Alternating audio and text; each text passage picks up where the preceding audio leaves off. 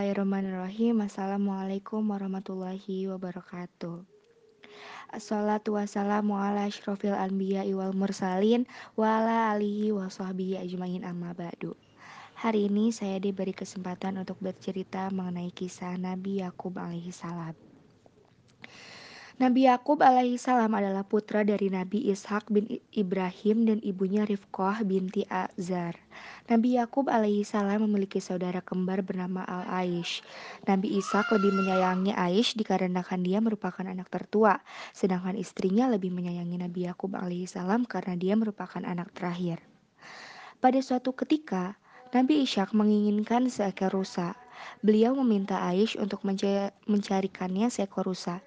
Namun, sebelum Ais berburu, sang ibunda menyuruh Nabi Yakub alaihissalam terlebih dahulu. Dan dia melayani ayahnya terlebih dahulu. Nabi Ishak pun mendoakan Nabi Yakub alaihissalam. Mudah-mudahan engkau menurunkan nabi-nabi dan raja-raja. Mengetahui hal itu, Aish yang dirundung rasa iri pun menjadi lebih kaku dan dingin terhadap Nabi Yakub. Aish lebih sering menyindir karena merasa dengki terhadap Nabi Yakub.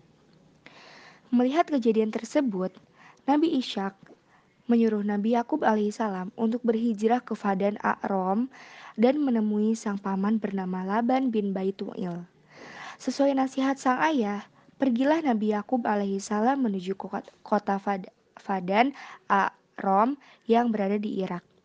Setelah berhari-hari melewati padang pasir, tibalah Nabi Yakub alaihissalam di kota tersebut. Dia bertanya kepada salah satu penduduk tentang kediaman Laban bin Batuil. Penduduk tersebut menunjuk ke arah Rahil, seorang gadis yang cantik jelita, yang kebetulan merupakan putri kedua dari Laban bin Batuil. Setelah memperkenalkan diri kepada Rahil, Nabi Yakub alaihi salam diajak untuk bertemu dengan ayahnya Laban bin Batuil. Dalam pertemuan tersebut, Nabi Yakub alaihissalam menyampaikan pesan dari ayahnya agar mereka berdua menjadi besan dengan menikahkan salah satu putri Laban dengan Nabi dengan Nabi Yakub. Laban menyetujui pesan tersebut dengan syarat menggembalakan hewan ternak miliknya selama tujuh tahun. Nabi Yakub alaihissalam menyanggupi syarat tersebut. Setelah tujuh tahun berlalu, Nabi Yakub alaihissalam menagih janji kepada Laban. Laban pun menjodohkan putri pertamanya bernama Laia. Namun, Nabi Yakub lebih menginginkan menikahi Rahil, seorang gadis yang dia jumpai pertama kali saat berada di kota Fadan A'rom. Laban pun menyarankan Nabi Yakub alaihissalam untuk menikahi Laia terlebih, terlebih dahulu. Setelah itu, dia diizinkan untuk menikahi Rahil sebagai istri kedua dengan syarat bahwa Nabi Yakub alaihissalam harus bersedia menggembalakan hewan ternak milik Laban selama tujuh tahun. Pada saat Nabi Yakub belum ada larangan untuk menikahi kakak beradik dalam satu waktu hingga diturunkan surat An-Nisa ayat 23. Nabi Yakub alaihissalam kemudian menikah dengan kedua putri dari pamannya yakni Laban bin Batuil. Pada saat itu, Laban menghadiahkan kepada kedua putrinya seorang pembantu perempuan bernama Zulfa dan Bahlah. Beberapa tahun kemudian, Nabi Yakub alaihissalam menikahi kedua asisten rumah tangga tersebut. Dia memiliki 12 orang anak dari keempat istrinya. Salah satunya adalah Nabi Yusuf alaihissalam dari istrinya bernama Rahil. Nabi Yusuf merupakan anak kesayangan Nabi Yakub sehingga mengakibatkan iri dengki terhadap saudara-saudaranya. Pada suatu hari, saudara-saudaranya berencana membuang Nabi Yusuf alaihissalam dari kehidupan mereka. Mereka mengatur strategi untuk menyingkirkan Nabi Yusuf alaihissalam dan rencana tersebut berhasil. Nabi Yusuf alaihissalam terjebak pada sebuah sumur.